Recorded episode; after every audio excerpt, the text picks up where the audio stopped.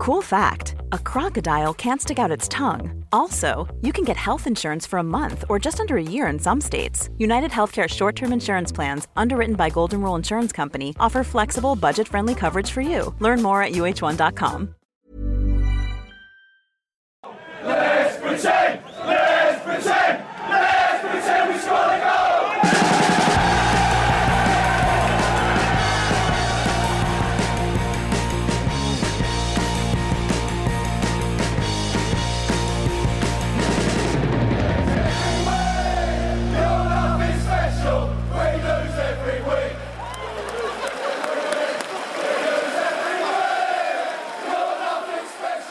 Ja, hjärtligt välkomna hälsar vi då till Sportbladets Premier League-podd efter en del om och men. Det är lite uppförsbacke eh, den här veckan.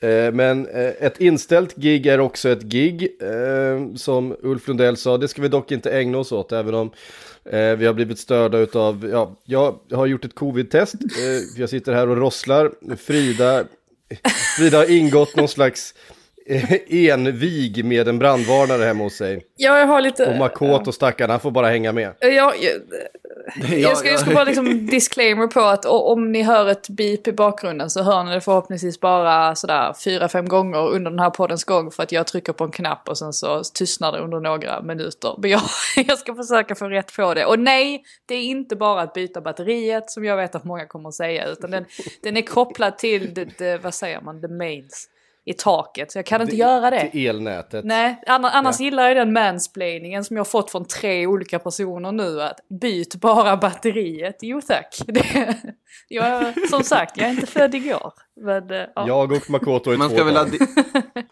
ja, man ska addera disclaimern också att det då alltså inte går att plocka bort brandvarnaren som jag förstått det och lägga den i typ en handduk och gömma den i Nej, ett skåp, det, eller? det går inte. Nej, precis. så att, eh, ja, men förhoppningsvis så stör det inte podden. Uh, så mycket. Nej. Bra. Ehm, för som sagt, eh, vi ställer inte in någonting. Däremot så, eh, nej, men precis som jag sa i början här, en inställd match är också en match. Därför att vi ska såklart börja prata om är den matchen som aldrig blev av mellan Manchester United och Liverpool. Som, ja, efter att eh, supportrar till Manchester United eh, i protest mot ägarna Glazers, det är ju en förlängning utav hela eh, European Super League-debaclet och den, det momentum som är, liksom finns inom eh, de engelska supporterklubbarna just nu. Eh, supportrar tog sig in på arenan, eh, matchen fick skjutas upp. Eh, först sades det att det skulle spelas senare på kvällen, det blev inte av. Eh, sen sades det att det skulle spelas idag, det kommer inte heller bli av. Manchester United har Europa League, viktig match på, på torsdag. Eh, Frida, kommer den här matchen spelas eh, överhuvudtaget och vad har liksom reaktionerna i övrigt varit på det som har hänt? Jag tror väl att det kommer att spelas. Det har ju pratats lite om att Liverpool ska få alla tre poängen. Men jag tror väl att båda, laget, båda lagen samt Premier League har som ambition att matchen ska spelas. Problemet är ju bara var ska man trycka in det någonstans. Schemat är ju som det är. Och eh, det här kan ju potentiellt vara en match som är väldigt viktig. Inte så mycket för Man United som redan har säkrat en Champions League-plats i stort sett. Men definitivt för Liverpool som ju slåss om Europaplatserna. Så att vi får se hur de löser hela det dilemmat. Men det är väl klart att det har slagits upp enormt stort här borta. Och Eh, framförallt så är det ju för att supportrarna lyckades ta sig in på arenan. Och det var lite där jag också fastnade för att vi visste att de här protesterna skulle bli av. Vi har ju sett dem i samband med andra matcher som Chelseas möte med Brighton exempelvis och Arsenals möte med Everton. Men skillnaden här var ju som sagt att de lyckades ta sig in. Och den första frågan man ställde sig var ju, är det här någon sorts insiderjobb? För man tänker, så enkelt är det väl ändå inte att ta sig in på Old Trafford. Och det finns lite, eller det råder lite delade, delade uppgifter om det här. Um, Daily Mail exempelvis såg jag idag att de hade tagit del av övervakningsbilder som kunde konstatera att det inte fanns någon sån här matchvärd som hade hjälpt till eh, och öppnat, um, ja alltså som hade öppnat någon, någon gate eller så så att fansen kunde ta sig in. Men jag har fått höra andra uppgifter från personer som har väldigt, väldigt god insyn i Man United att det här var ett välkommet drag från fansen eh, sett ur många medarbetares perspektiv. Och att de faktiskt uppmuntrade till det här. Och det grundar ju sig givetvis i att många av de som jobbar för Manchester United jobbar ju för klubben de älskar. Och det här är ju någonting som har pyrt under ytan under så himla lång tid. Um, alltså egentligen ända, ända tillbaka till 2004-2005 när övertagandet genomfördes. Och det har ju alltid varit kontroversiellt. En sån som Sir Alex fick ju enormt med kritik egentligen för att han alltid höll ägarna om ryggen. Och nu har ju faktiskt Solskjaer också fått en del kritik för att han också har varit lite, lite, lite mild i sin kritik efter den här European Super League. Han har ju givetvis ställt sig på supporternas sida och det sista han sa under fredagens presskonferens var ju faktiskt att, att det är viktigt att eh, fansens röst blir hörd. Men det är väl klart att man undrar om de här protesterna verkligen når Glazers. Jag förstår varför det här sker. Jag tar väl förstås avstånd till de våldsamheter som framkom. Det har ju spridits en bild på en polisman som fick eh, ja, med halva ansiktet uppskuret. Och det är ju självklart ingenting man vill se. Men samtidigt så har ju supportrarna försökt att göra sin, sina röster hörda på andra sätt genom åren utan att lyckas. Och detta var väl lite grann droppen som fick bägaren att rinna över. Så på så sätt så är det ju nästan som en revolution inom fotbollen. Att eh, de faktiskt har det här klivet och framförallt då, ja, men synliggör det på det här sättet. Men som sagt, inte mm. helt säker på att det kommer nå familjen Glazers. De har alltid varit väldigt bra på att ducka för det här. De alltid... Eh, de beskrivs som ganska... Eh, att de inte riktigt förstår. De kan inte, de kan inte sätta sig in i det här. Och det är väl lite det vi har pratat om just vad gäller amerikanska ägare på sistone. Att det styrs på ett helt annat sätt i USA de har väldigt svårt att sätta sig in i hur vi i Europa styr, generellt styr våra europeiska fotbollsklubbar. Mm. Men det är ju inte, inte minst ett statement här från supporterna också som de gör. Och som sagt, jag har full, full förståelse för att det händer. Det var intressant också att följa Skys sändning för att de var ju givetvis på plats. Eh, eftersom att det var, det var match på gång och såg ju hela det här mm. händelseförloppet. Och där var de ju lite oense i studion. Alltså vi hade Roy Keane och Gary Neville och Carragher. Michael Richards var väl lite mer lågmäld men alla de var ju på supportrarnas sida och tyckte att det är inte så konstigt att det här sker. Alltså kolla exempelvis på Old Trafford som inte har rustats upp sen, ja men sen Glaciers kom in. Alltså en gång i tiden var Old Trafford den finaste arenan i England. De hade den finaste träningsanläggningen i Carrington. Ingenting av det har renoverats, vilket har gjort att de har ju halkat efter. Att det finns betydligt finare arenor idag. Och det märks ju också när man är på Old Trafford. Att det ser, allting ser väldigt fint ut, men under ytan så kan man, man kan se liksom färg, färgflagnor. Ehm, eh, att pressläktaren i sig är väldigt, väldigt undermålig sett till många andra arenor. Och det är kanske inte vad man tänker sig när man hör Manchester United som ju ska vara den här mäktiga fotbollsklubben som hela tiden ska ligga i, i framkant. Och de herrarna i studion var oense. Den enda som var på den andra sidan var Graham Sunes. Och han, han gick ju igång ordentligt. Och um, ja, men han, han, det blev ju lite löjligt för att han, han satt ju och sa att han hade riskerat sitt liv bara genom att sitta där. Han fick det låta som att de här supportrarna man hade kastat en massa ölburkar på dem. Men så var det tydligen inte. Det var tydligen en ölburk som hade muttats mot studion. Och återigen, det är klart att man tar avstånd från allt våld. Alltså så ska det ju inte vara på något sätt.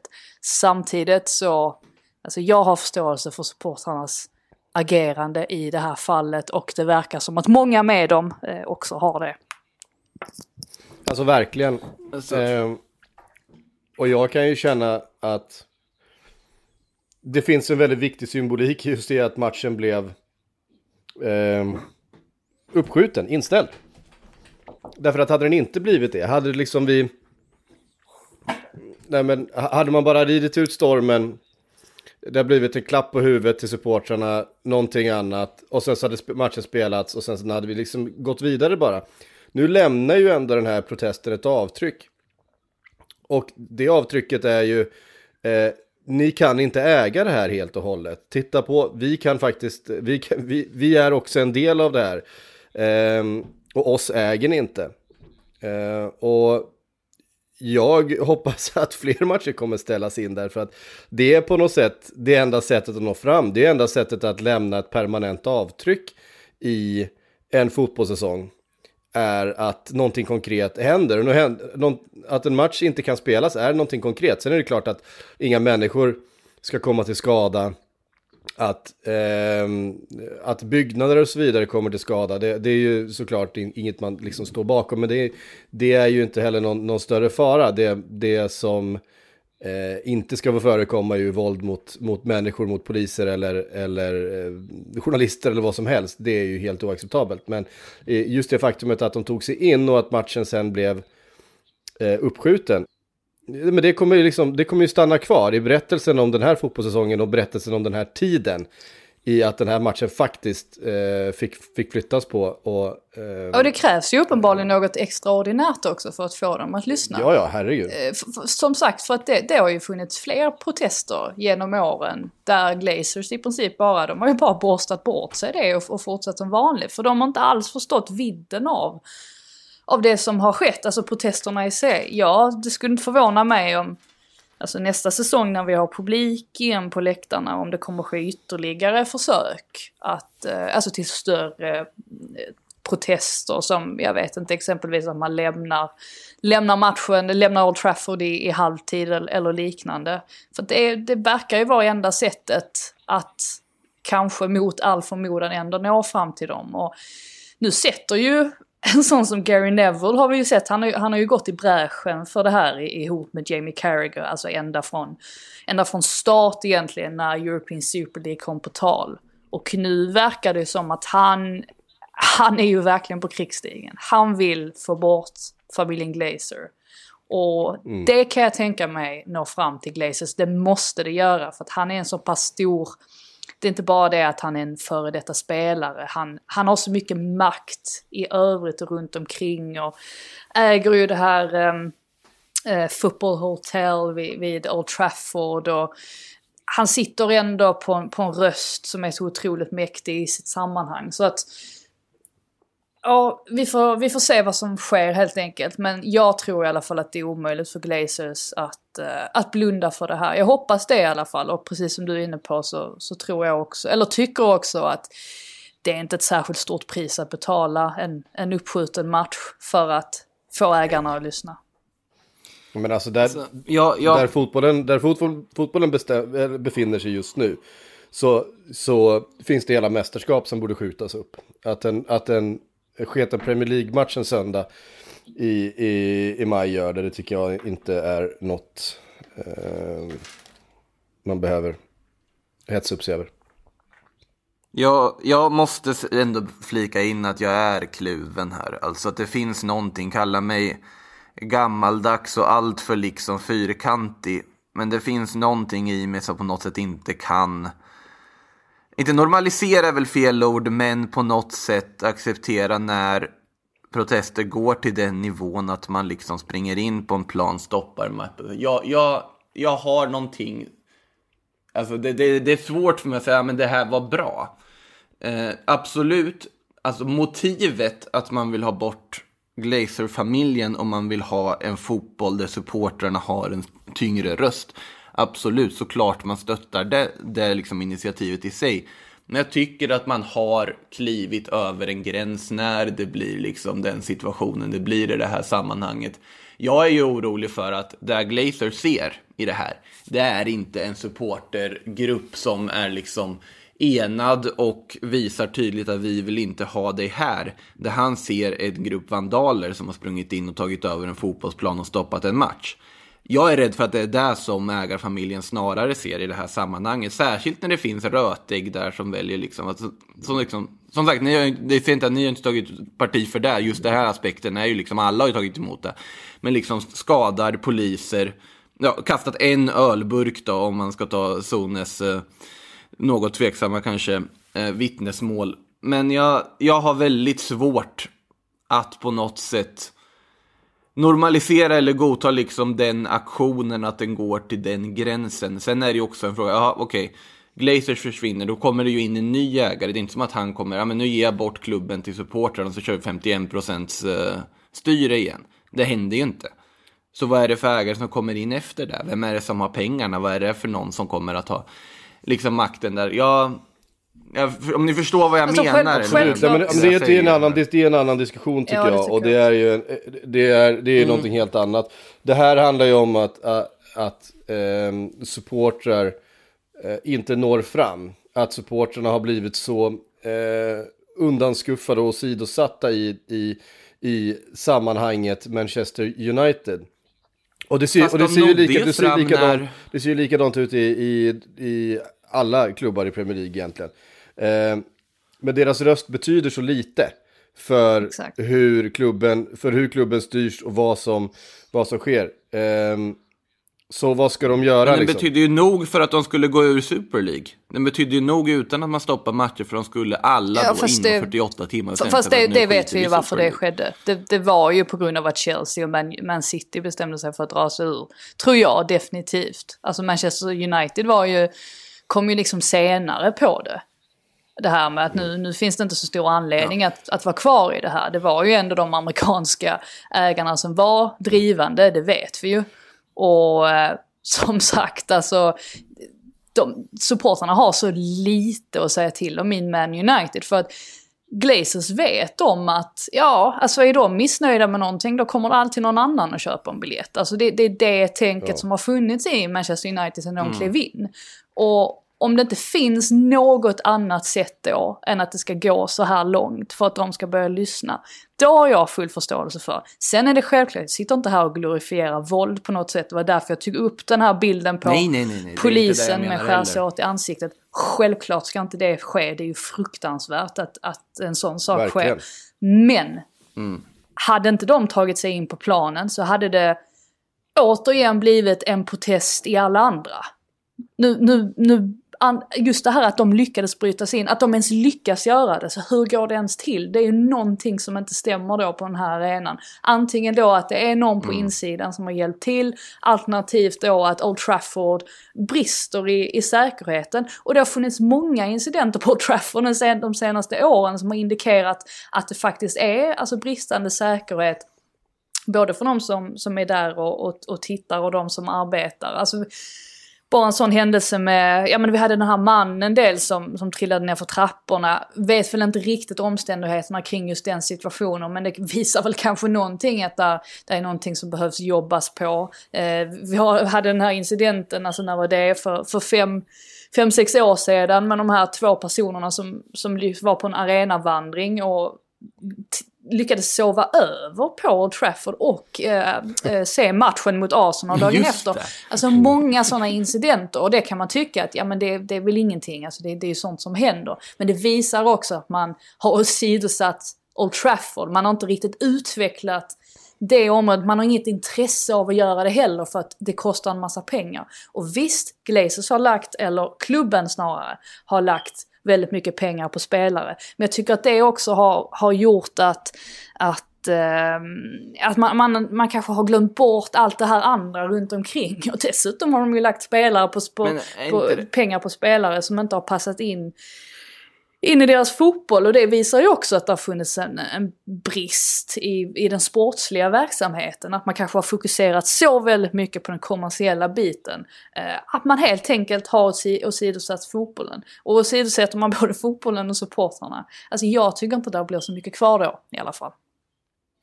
Nej, Nej alltså, är ju... jag måste väl också... ja. Nej men det är ju det och i, eh, i Manchester Uniteds fall så är det ju väldigt mycket så att det är ju supportrarnas, om vi, om, vi, om vi nu ska prata deras språk, om vi nu ska prata pengar, så är det ju supportrarnas pengar som går in i klubben genom biljettförsäljning, eh, genom tv-avtalet, genom tröjförsäljning eh, och så vidare. Jo, men är inte nödvändigtvis de, pengarna... de supportrarna som, alltså de, de föredrar nog nej, de supportrarna som köper mest merch. Det är de supportrarna de vill åt. Och det är inte nödvändigtvis... Precis. De som inte är, är tillgängliga för att ta sig in på Old Trafford. Och det är ju nödvändigtvis inte de som bor i eh, Manchesterområdet som, som är de Exakt. hur, det, hur det än är så är det Manchester United-supportrar som eh, supportrars pengar runt om i hela världen eh, som finansierar den här verksamheten. Eh, och när du har ägare som eh, inte visar någon som helst eh, ambition om att ta in den, den aspekten i hur klubben styrs och sen dessutom plockar ut de pengarna för egen vinning istället för att investera det tillbaks in i föreningen istället för att, eh, som du säger, rusta upp eh, arenan, rusta upp träningsanläggningen eh, och så vidare. Då är det ju klart att det, det eh, om vi bara ska ta den aspekten alltså, den som de verkar begripa sig på, eh, eh eh, aspekten. Att det dessutom finns en massa kulturella eh, problem och att det finns en väldigt stor eh, ett, ett väldigt stort problem är att, att eh, fotbollssupportrar inte har någonting att säga till om längre i de här stora klubbarna. Eh, det är ju det är väldigt beklagligt och någonstans så befinner vi oss vid, någon, vid en brytpunkt. Det är, det är uppenbart så. Vi, och som vi har befunnit oss vid ganska länge ska sägas. Där eh, supportrarna helt enkelt kommer få välja om de ska vara kvar eller om de ska ägna sig åt någonting annat. Om de ska ge upp kampen om den här klubben som de lever med. Eh, och den, den kampen kommer de ju inte ge upp utan en fight om man säger så. Eh, och det, det här tror jag är en del i, i, i det helt enkelt. Eh, en ja. mycket större konflikt och jag, och, mellan, mellan ja. fotbollen och supportrarna. Och jag menar vad, vad står deras skulder i nu? Det, det handlar väl om, alltså om jag inte minns helt, det är miljarder. helt ja 455 000 miljoner, eller 455 miljoner pund Alltså det är ju något, det är ju mm. något helt... Det är 5 miljarder, 6 miljarder någonting. Ja, det är något helt otroligt. Mm. Och det här, så det här har ju kostat, har ju kostat United så, så väldigt mycket. Um, och det är väl klart att ingen kanske klagade medan de plockade en massa titlar under Sir Alex. Men så har det inte sett ut ju under de senaste, nästan det senaste årtiondet. Så att um, ja, det här var ju bara en tidsfråga som sagt. Och uh, ja, vi får se vad som sker, vilka, vilka svallvågor det blir av detta. Ja, vi skulle... Måste förtydliga att jag, det här var alltså inte ett försvarstal för Glazers ägandeskap. det kändes nästan som att ni tolkade sånt här när ni går igång. Jag fattar ju självfallet var problematiken ligger. Det är bara det här att jag blir tudelad. Att det är en farlig väg att gå när man normaliserar planstormning. Mm. Alltså, ni, det, det, är ju den sista det är utvägen. lite den diskussionen jag Ja, men jag, jag, det är bara det som får mig att bli lite sådär att det, det är inte jag är helt bekväm med att på något sätt godkänna, även om såklart intentionerna är bra. Sen, sen det här med liksom plan, arenans säkerhet, nu tror jag inte det var där du syftade på Frida, men det känns ju, det hade ju varit ganska, nästan lite roligt om det var liksom deras sätt att visa att kolla vilken dålig säkerhet vi har på Old Trafford. Det var nog inte riktigt det som var liksom det primära anledningen till liksom stormningen för att visa på säkerhetsbristerna. Jag är inte riktigt lika Men, säker för som sagt om det är så att exempelvis matchvärdar har hjälpt till i det här. Då är det ju, då är det ju mm. ett väldigt starkt statement mot att det är undermålig säkerhet. Då är det ett enormt statement från klubben själva också i sig, absolut. Och de som jobbar med klubben och man vet ju, nu vet inte jag hur det är på Premier League-matcher, men när man har varit på på stängda matcher här i Sverige, liksom till exempel över Sverige-USA här på Friends, det var ju fler matchvärdar och funktionärer som stod och sa hej än vad det var journalister på plats. Eh, så att det känns ju inte som att om de hade velat stänga ute dem så hade de ju kunnat göra det. Så naturligtvis så var det ett inside jobb på ett eller annat sätt. Sen är frågan om hur många som var inblandade i det här inside, inside-arbetet är en annan sak. Men eh, nej, det, det, är bara att hoppas att det ger den effekten som man vill. Det är väl det man får säga, att det faktiskt ger en effekt det här då. När det nu har gått så här pass långt. Ja. Uh, vi har ju ägnat en halvtimme åt att prata om det här och uh, det tyder väl på någonting i alla fall. Uh, ja. Men det har spelats fotboll också. Ehm, bara, bara knyta tillbaka till att det, till devisen som blir bekräftad är att en inställd spelning är också en spelning. Men det fanns också spelningar som blev av. Eh, är det nu vi ska börja med Brighton väl... Leeds, eller? Det, det kan... eh, vi, kan, vi, vi, kan börja med Brighton Leeds. Eh, absolut. Eh, 2-0 till Brighton. Ja. Eh, det är helt sjukt. Eh, Danny Welbeck gjorde mål. och, och fixade dessutom en straff. Eh, han har ändå varit rätt nyttig sedan han, sedan han kom in. Definitivt. Eh, även om han inte är någon, eh, han är ingen Rud van Nistelrooy direkt framför mål, men, men eh, några har han petat in och det kommer väl räcka för ett, för ett nytt kontrakt för Brighton i slutändan. Ja, här satt man ju tänkte att det skulle bli en sån där dag igen. Eh, när eh, Mopé miss, missade chanser och eh, eh, Bizuma hade något, något skott också som var riktigt risigt. Och så tänkte man att usch, nu ser det likadant ut på tredjedelen som det brukar. Men så kommer Danny Welbeck med världens eh, vändning. Ja, det var, det var ett väldigt snyggt mål. Väldigt eh, fint hur han lurar bort Leeds eh, försvarare. Jag tror att de var lite förvirrade där Leeds eftersom att Llorente precis hade kommit av och så satte de in Pablo Hernandez för att de skulle eh, trycka på där mot slutet. Det var väl, var väl lite det också som ställde Leeds kan jag tänka mig. Men väldigt snyggt från Welbeck som drog in 2-0. Och där var det lite som att lyften Uh, eh, ja men som att det spred sig en total lättnad hos Brighton-spelarna för att de, de visste ju hur viktig den här trepoängaren var och att den förmodligen skulle, skulle säkra då ett, ett nytt Premier League-kontrakt som jag vill tro att vi kan eh, våga oss på att säga att det gjorde också. Eh, så att otroligt, eh, otroligt starkt av dem egentligen om man tänker på alltså, vad de har haft för för matcher bakom sig där de ja, men har skapat tusentals möjligheter och aldrig riktigt lyckats få in bollen. Den här ja, horribla matchen mot Sheffield United nu veckan dessförinnan. En väldigt viktig trepoängare och som sagt kul att se att Welbeck fick göra mål. Um, som sagt, det är, inte, det är inte varje dag det sker men uh, tydligen när det väl sker så är det snyggt i alla fall. Och ska sägas också att Lewis Dunk var formidabel i den här matchen. Jag tyckte Ben White också var bra men Lewis Dunk har kontinuerligt under hela säsongen varit den bästa mittbacken i det mitt, mittförsvaret. Och eh, jag ställer mig frågan återigen varför det inte pratas mer om honom. Det pratas jämt om Ben White. Varför vill inte fler ha Lewis Dunk? Eh, jag tycker faktiskt att eh, Gary Southgate också, ehm, också borde kika lite på honom. Ja, eh, nej men vi har ju eh, pratat om den här backlinjen och, och, Ben White har ju varit väldigt bra den här säsongen också. Men, men eh, det var ju mycket snack då efter eh, förra säsongen i Leeds på lån. Uh, nu var det mot Leeds den här gången. Uh, men men, ja, men Louis Dunk har varit, har varit väldigt bra den här säsongen, det håller jag verkligen med om. Han var även bra förra, liksom, han har ju verkligen bevisat sig flera år egentligen här nu. Och jag håller helt med dig Frida att det borde vara ett namn som diskuteras av Southgate. Det borde vara ett namn som diskuteras av eh, större Premier League-klubbar också. Man, med tanke på också på att en mittback med ett brittiskt pass, det vet vi vad det kan kosta. Och Louis Dunk är faktiskt en väldigt bra sådan. Han är också väldigt lång. ja, det, det, det kostar med. vilket, det har vi också be, vilket, bevis vilket på. ju är en, en attraktiv egenskap hos en fotbollsspelare. Primär egenskap i Patrik Syks scouting. Han måste, vara, han måste ju vara en decimeter längre än Ben White till exempel en decimeter längre.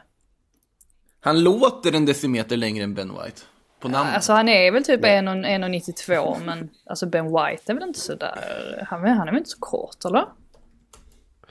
Um, ben White är, det är prick en decimeter. Är det det? Ben White är 1,82, Louis Dunk är 1,92. Jaha, du ser. Där. Jaha. Mm. Ja. Um, Lärde vi oss nytt idag också. Annars var det rätt mycket favoriter som höll under den här eh, omgången. Eh, Manchester City besegrade Fulham med 2-0. Nej, det gjorde de inte. Crystal, Crystal Palace. Palace Nej, förlåt, jag, jag tittar, på, tittar på fel match. Det var Chelsea som slog Fulham med 2-0.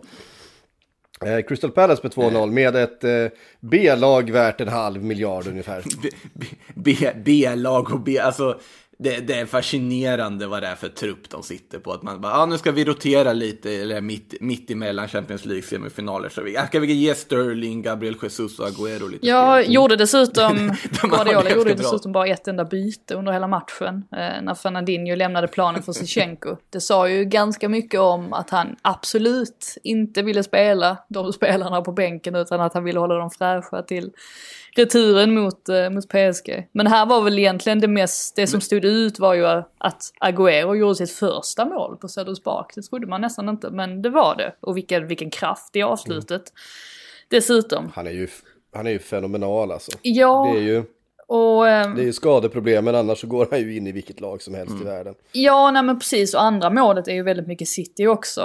Alltså, kortpassningsspel centralt. Trots att Palace står lågt med många spelare så lyckas man ta sig igenom och Torres som drar in bollen. Och han var nog den gladaste spelaren i helgen. Alltså den som firade mest euforiskt. Han såg otroligt glad och lättad ut när han drog in det målet. Men det var väl kanske också för att de kände att ja, men nu är ju titeln väldigt, väldigt nära. Och det kanske till och med var bra för City att Liverpool aldrig fick chans att säkra titeln åt dem eftersom att nu blir det ju fullt fokus på PSG-matchen här och det är ingenting som stör dem. Och, men, men det man tar med sig främst är ju självklart Agüero som, ja, han har haft det tufft under våren med skador och sjukdomar men eh, så fick han äntligen göra lite avtryck nu. Och eh, I'm in love with the person, sa Guardiola efteråt och det summerar hans tid eh, ganska väl i Manchester City. Mm. Jag kan ju bara, bara rabbla bänken som eh, Manchester City hade med sig till den här matchen. Det är alltså Kyle Walker, Ruben Diaz, eh, Sinchenko, Gündogan, De Bruyne, Bernardo Silva, Phil Foden och Riyad Mahrez. Och den som kom in från bänken var alltså Sinchenko. Eh, Eh, Nämnde du Zack Steffen? ja, ja, ja, eh, målvakten Nej, nämnde jag inte det, du får inte glömma Zack Steffen också. Det, är en bra andra Ja, målvakt. absolut, även om jag, även om jag eh, gärna ser att de använder sin, sin eh, tredje målvakt lite flitigare. Ja, just det, just det. Han, är ju- han fick ju förlängt där va? Eh, Inför ja, det är mycket möjligt. Ja, det var, de lånar väl honom utan att spela en enda match, så lånar de om honom från Derby. Om det är Scott Carson Det Scott Carson, ja, alltså. precis. Champ, eh, Champions League-titel med Liverpool, bland annat. Eh, Ja, så han, jag tror, med i det jag att han var med i den truppen som typ så här 20 20-åring. Eh, han, gjorde en, han gjorde någon säsong i alla fall, gjorde någon, någon enstaka match. Jag är rätt säker på att han har, att han har något sånt där. Skitsamma. Inget- han är ing- jävla inget han är dumt. han är på alla fall. lån i alla Inget fall? dumt jobb ändå kan jag tycka. Och tredje målvakt i Man City. Ja, eh, ja, men det är nog ett ganska trevligt liv om man säger så. Bra sätt att liksom, behålla foten i toppfotbollen. Och på lån. Det tycker jag fortfarande är fascinerande att han faktiskt är på lån. Just det. Det tycker jag är otroligt roligt. Eh, han, han, han kom i januari 2005, så bara eh, tre månader före, före Champions League-finalen så eh, kom han in och eh, eh, spelade ju eh, mot, eh, jag, var ju tvungen att, eh, jag var tvungen att plocka upp eh, Wikipedia-sidan. Han spelade ju faktiskt mot Juventus i april där eh, i, Ja. i Champions League. Så att eh, han har Eh, Han har förtjänat sina framgångar. Har, har Scott Carson spelat någon match av större dignitet sen den matchen 2005 mot, eller 2006 mot Juventus? Eh, 2005 mot Juventus. Eh, Ja. det kan jag inte tänka mig eftersom han, eh, han spelade totalt fyra matcher för Liverpool under de tre åren han var där. Sen dess så har han hållit till eh, i Championship eh, fram till nu då. Eh, han är på lån till Manchester City. Men han är också en jävla, en jävla karaktär ju. Eh, han är en eh, kul typ. Vi eh, går vidare då. Vi kan väl ta eh, Chelsea, Fulham då istället. Kai Havertz har eh, fått igång eh, sin målproduktion. Ehm, Gjort, gjort ett gäng mål nu på slutet. Eh, och det kanske är det här sparkapitalet som, som Chelsea mm, behöver då. Nu har de ju ett grepp om den här eh, fjärdeplatsen men ett ganska tufft spelschema faktiskt inför avslutningen här. Så en Kai Havertz som hittar formen är väl precis vad, vad eh, doktorn eh, rekommenderade. Ja, alltså man, här fick man ju också lite känslan av att det väntar en, en ganska viktig ehm, en, en ganska viktig match här i, i veckan eh, som eh, ju tar en del fokus. Det var också anledningen till att Billy Gilmore fick, eh, fick eh, starta den här matchen. Och man spelade ju faktiskt på ett lite annat sätt än vad vi har sett dem tidigare. Man tog lite större risker. Alltså Gilmore spelade som ensam defensiv mittfältare. Det är klart att Mason Mount låg, låg lite längre ner än vanligt men eh, Gilmore var ändå ensam. Och det, det gör ju att, alltså det finns ju fördelar och nackdelar med ett sånt system. Alltså nackdelen är ju givetvis att man riskerar att tappa kontrollen bakåt, vilket Chelsea också gjorde stundtals för Fulham hade ju sina, sina möjligheter där under den första halvleken. Men fördelen är ju att man kan hamna i numerärt överläge precis sista tredjedelen oftare. Och eh, alltså Fulham fokuserade ju på att stänga ner Gilmore. Vilket ju resulterade i att Thiago Silva faktiskt hade flest touch av alla på planen. Men det fungerade tillräckligt väl offensivt. Så att Kai Havertz, han kommer in i det mer och mer. Och landar på två mål här. Och Mason Mount fortsätter vara oumbärlig. Så att på så sätt så fungerade ju det här faktiskt för, för Tuchel. Och det är intressant att se också vilken utveckling han har haft. Eller vilken utveckling han har, han har påvisat här under sedan han steg in. För att de, de första matcherna så handlade det ju väldigt mycket om att ha så mycket kontroll på matchbilden som möjligt. Alltså behålla bollen så mycket som möjligt. Men nu ser man här att han börjar tweaka lite grann. Att han börjar testa lite, lite olika grejer. Det var väl ganska tacksamt också att göra det mot Fulham som Alltså Fulham är ett bra lag, men vi ser ju där när 2-0 målet går in så är det ju som att luften går ur dem totalt. Och de känner väl också att det här är, det här är över för, för deras del. Så att en, eh, nej, alltså en bra, en bra seger eh, för Chelsea. Som det, det bådar gott inför returen här mot Real. Jag tror att det är en eh, ganska harmonisk känsla som har infunnit sig där.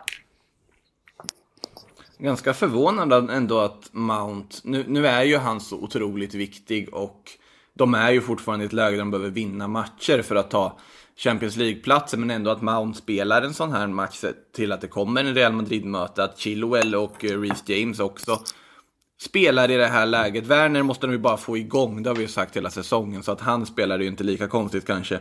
Men uh, i Mounts fall, det men säger ju en de del har ju inte om... De har inte jättemånga alternativ heller får man komma ihåg i och med att Kovacic är, är skadad. Så nu var det ju Mount och Gilmore i det här fallet. Mm. De har inte så många andra spelare att sätta ner det. Nej, och Jorginho och Kanté vill ju vila då mm. inför, uh, ja. inför CL.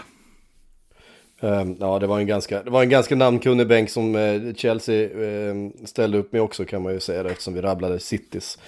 Så hade ju eh, Chelsea-spelare som, ja, uh, Jorginho, Kanté, Pulisic, Tammy Abraham, Hudson Odoi. Hudson Odoi som väl oftast finns med på den här bänken i och för sig. Men As Aspelikueta och och, och, och Kepa får vi väl också nämna då. Um, Al Alonso och Anjorin mm. också. Har vi, har vi nämnt hela bänkarna. Med hela gänget.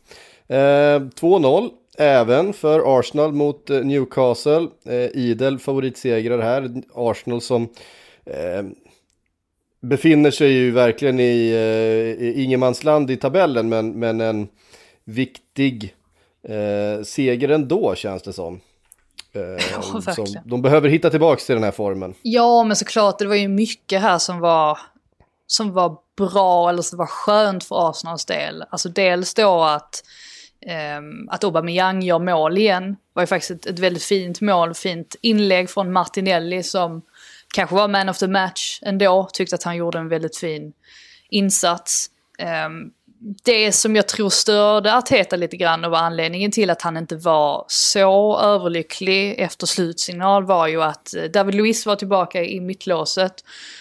Inledde matchen väldigt starkt, eller man såg egentligen vad det är Arsenal har saknat så himla mycket nu när han har varit borta. De behöver ju en, en mittback som, som vågar ta bollen framåt till planen sådär som han gör. Och det är ju också det som leder till Eh, El Nennis första mål, som ju för övrigt var hans första Premier League-mål dessutom, efter, redan efter fem minuter. Alltså det är bollen fram till, eh, om det är Beirinma som får den, eh, och sen så leder det fram till att eh, kan dra in 1-0. Och Louise tvingades ju gå av skadad igen redan i den 53 minuten. Och jag tror att det var nog ett tungt bakslag för Ateta, för att jag tror att Louise hade startat annars mot, eh, mot Villarreal i returen. Men i övrigt så var det en välförtjänt trepoängare. Newcastle såg ut som ett lag som vet att de är säkrade eller att de har säkrat en plats i Premier League nästa säsong och således kanske inte bryr sig lika mycket längre.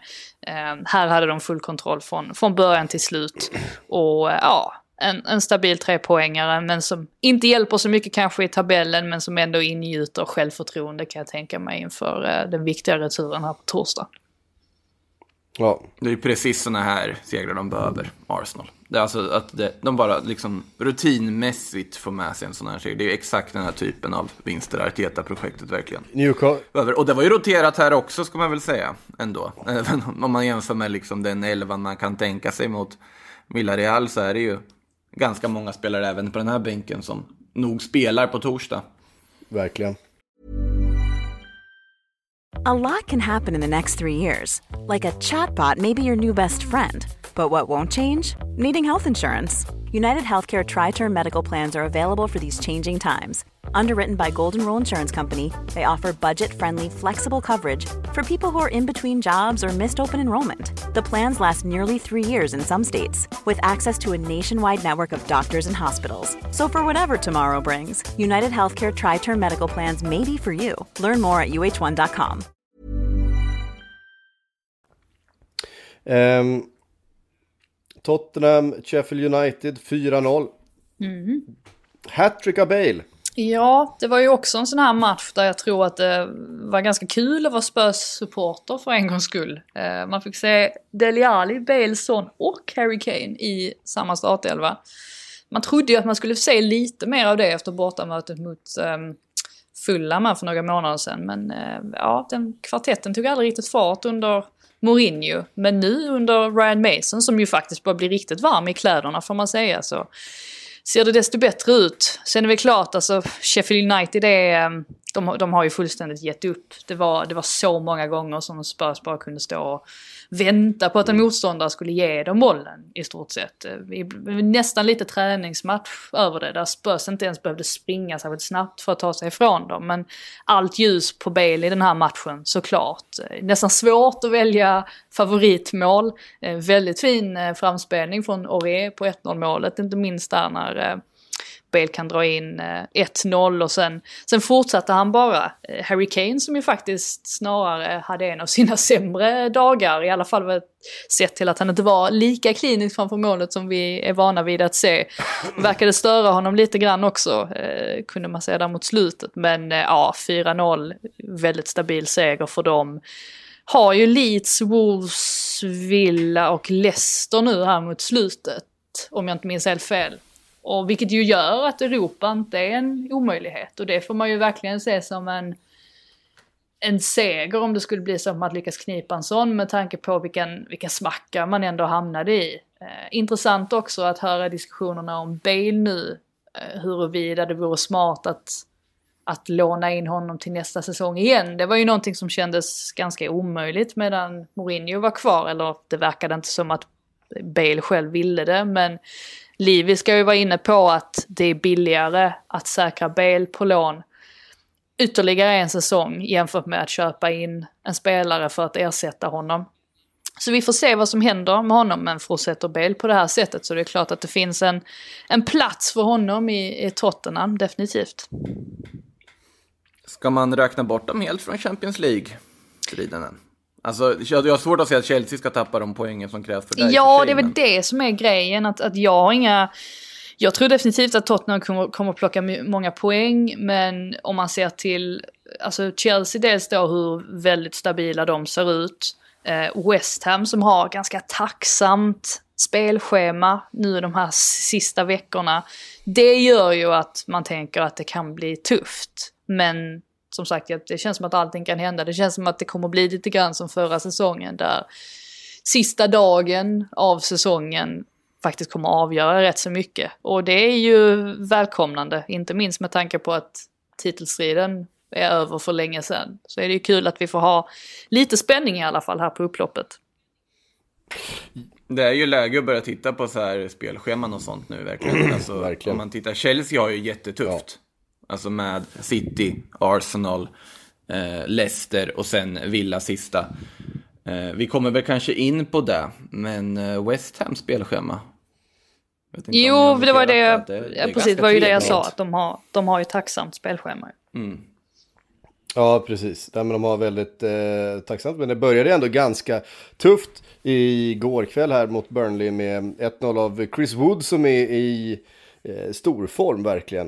Eh, från straffpunkter den här gången. Men eh, Michael Antonio som kanske inte har varit lika mycket talisman den här säsongen som eh, han varit tidigare eh, med två mål. Han har haft mycket skador Ja, eh, och sjukdom. Ja, det var ju faktiskt överraskande att han var i, i startelvan här. Eh, För precis som du är inne på har han ju varit hämmad av skador. Men man ser ju också hur värdefull han är när han väl spelar. Alltså vilken, dels det här att han är det kraftpaketet han är, men även att han är en sån otroligt intelligent spelare. Att han ofta öppnar upp för sina lagkamrater också. Så att det är inte så att han bara är de här kilorna och, och att det, det är bara det han kan. Utan han är otroligt, otroligt mångsidig och dubbla mål här.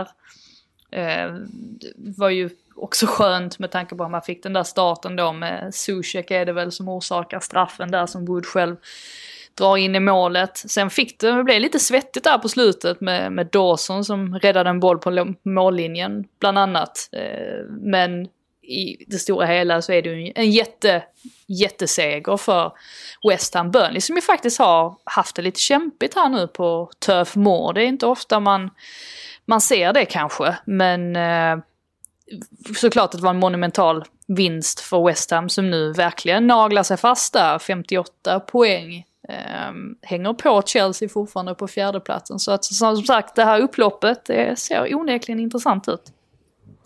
Verkligen, och skulle West Ham lösa en topp 4 eh, position, alltså skulle West Ham ta en Champions League-plats, så är det ju den största sensationen sedan Leicesters ligaguld. Eh, det kan ju inte vara Ja. någonting annat för att Tycker nästan synd om Leicester, Ja. tycker nästan synd om Leicester om de också säkrar en Champions League-plats och ingen bryr sig riktigt för att, eh, för att West Ham har säkrat. Faktiskt. Ja, vilket ju också är en enorm eh, framgång såklart. Um, men, eh, men West Ham, jag hade West Ham alltså på nedflyttningsplats um, inför den här säsongen. För de hade inte värvat speciellt bra, det var ingen harmoni i truppen, de hade sålt den spelaren som alla trodde skulle vara, bli deras eh, nästa stjärna. Och David Moyes förtroende var ju allt annat än, än högt när den här säsongen började. Tänk så Tänk så saker och ting kan förändras eh, när bollarna studsar in och eh, så bra som de har gjort det. Och, eh, istället för att köpa eh, Jarmolenkos så har man hittat eh, riktig kvalitet i tjeckiska ligan. Och, och i Eh, Craig och- Dawson. Oj, som-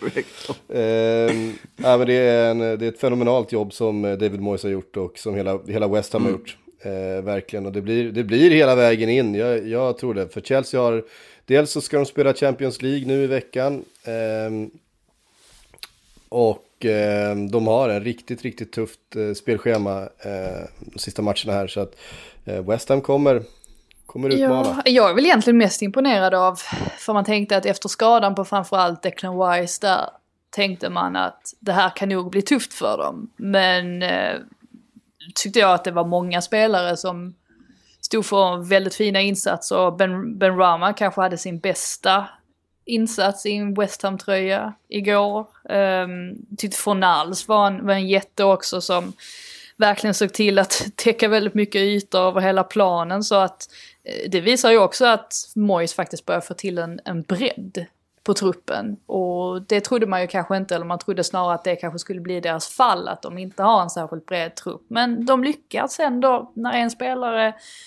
går bort så lyckas de ändå ersätta honom på något sätt hela tiden. Och det är ju givetvis en, en jättestyrka i sig också. Eh, onekligen. Eh, Leicester var vi inne på, fick bara med sig en poäng då mot eh, Southampton. Eh, trots att de spelade med en man mer i stort sett hela matchen. Eh, oerhört stark poäng av Southampton och ett nytt mål av eh, nej, inget mål av Iheanacho, förlåt. Det var ju Johnny Evans. Det var ju Ianacho som orsakade straffen där snarare. Eh, så var det ju. Eh, det var det han gjorde. Eh, men en viktig poäng ändå för Leicester. Eh, för att eh, det känns som det ska mycket till för att de ska rasa som de gjorde förra, förra säsongen nu. Eh, det är ganska, ganska, ganska många poäng ner till, ner till West Ham. Men Ja, det är klart, går resultaten lite emot här nu? De, visst är det så att det är Chelsea-Leicester i sista omgången? Eh, vad, vad, så, vad sa du Nej, att det var? Leicester-Tottenham i sista omgången är det. Men däremot som man tittar alltså spelschememässigt på Leicester, det är ju alltså nu är de Newcastle nästa runda, men sen är det alltså United, Chelsea, Tottenham sista tre. Ja, det är riktigt tufft. det, det är ju upplagt för riktigt häftig avslutning på den här säsongen. Det, kan man, det, alltså. det man kan ta upp i den här matchen också, jag tänker om man ska gå in på lite detaljer, var ju det här röda kortet på Västergård som ju har diskuterat i det oändliga, alltså om det verkligen är rött kort eller inte. Eh, Det spelade ju faktiskt roll för matchens utgång ändå, antagligen, eh, eftersom att Southampton var så pass bra i den här matchen att man kan tänka sig att de faktiskt hade kunnat plocka alla tre poäng. De visade på en helt annan mental styrka än vad man har sett dem göra på, på sistone. Ehm, jag vet inte vad ni tycker om det men ehm, eh, ja, alltså det, det är väl klart att alltså Västergård är ju faktiskt först på bollen. Sen vet inte jag om det är att just att han fullföljer upp på, på Vardis vrist som, det är väl antagligen det som gör att han åker ur. Men eh, ja, det, det går ju faktiskt så och diskutera eh, och det, det gjorde sån här borta i alla fall. Det ska ju mycket, nästan lite extra till också för att dra ett direkt rött så tidigt i en match. Att i ett sånt läge så, ja såklart man regelboksmässigt kan, alltså att fullfölj, fullföljningen av situationen kan rendera ett rött kort. Men i matchminut 10 så känns det väldigt, väldigt hårt måste jag hålla Jo med. men vad, alltså vad, vad tycker, eller ni kanske inte har sett den i och för sig. Ehm, för jag tycker alltid det är intressant att höra vad, vad andra, hur andra ser på situationer. För man har alltid olika, ibland har man lite olika sätt att värdera situationer på generellt.